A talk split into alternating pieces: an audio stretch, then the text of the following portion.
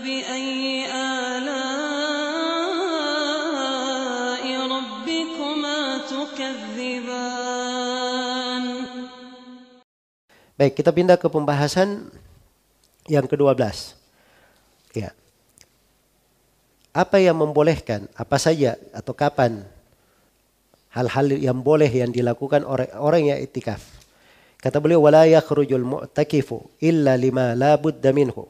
Dan tidak boleh orang yang itikaf itu keluar kecuali pada hal yang mesti darinya. Pada hajatnya yang mesti. Jadi itu kaidah untuk orang yang itikaf. Orang itikaf itu tidak boleh keluar kecuali apa? Hah? Kecuali untuk keperluannya yang penting. Ya, untuk keperluannya saja.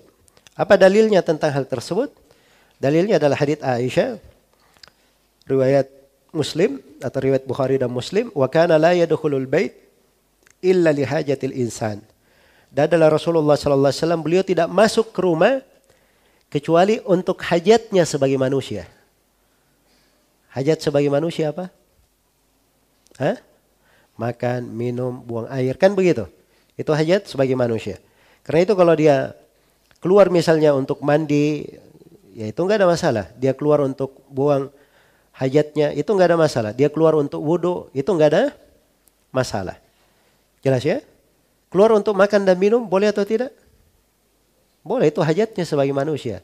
Tapi kalau di masjid disiapkan makan dan minum, boleh keluar atau tidak? Tidak boleh. Jangan dia berkata ini hajat manusia, saya cari warung dulu. Ya, saya tidak suka makanan di masjid. Tidak boleh seperti itu ya, kalau etikaf. Begitu ada makanan di masjid, dia makan di masjid. Jelas ya? Kemudian kalau dia keluar, dia lihat yang paling dekatnya. Ya, dia pergi beruduk misalnya. Ada tempat wuduk di sini. Ya, maka dia wuduk di sini saja. Jangan dia pergi ke Masjid Al-Manar sana beruduk. Ya. Jelas ya? Baik. Sama kalau makan, tidak ada makan di masjid. Dia cari warung yang dekat. Jelas ya? Oh jangan dia berkata ini warungnya warung sate, saya nggak suka. Ya saya mau warung padang, jalan 5 kilo ke sana. Ya, misalnya. Nah, ini tidak benar ya, tapi dia cari yang paling apa? Yang paling dekatnya. Dia cari yang paling dekatnya. Iya. Jadi itu hal-hal yang membolehkan dia keluar. Ya.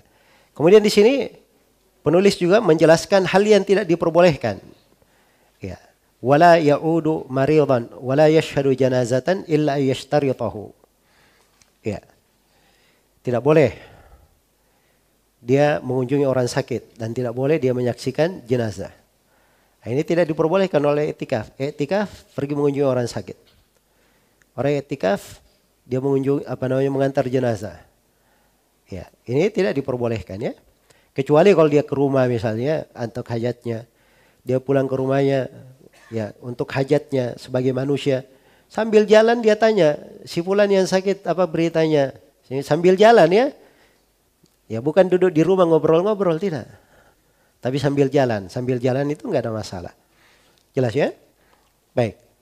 Jadi ini hal-hal yang tidak diperkenankan. Dia walaupun ketaatan tapi tidak dibolehkan pada saat apa?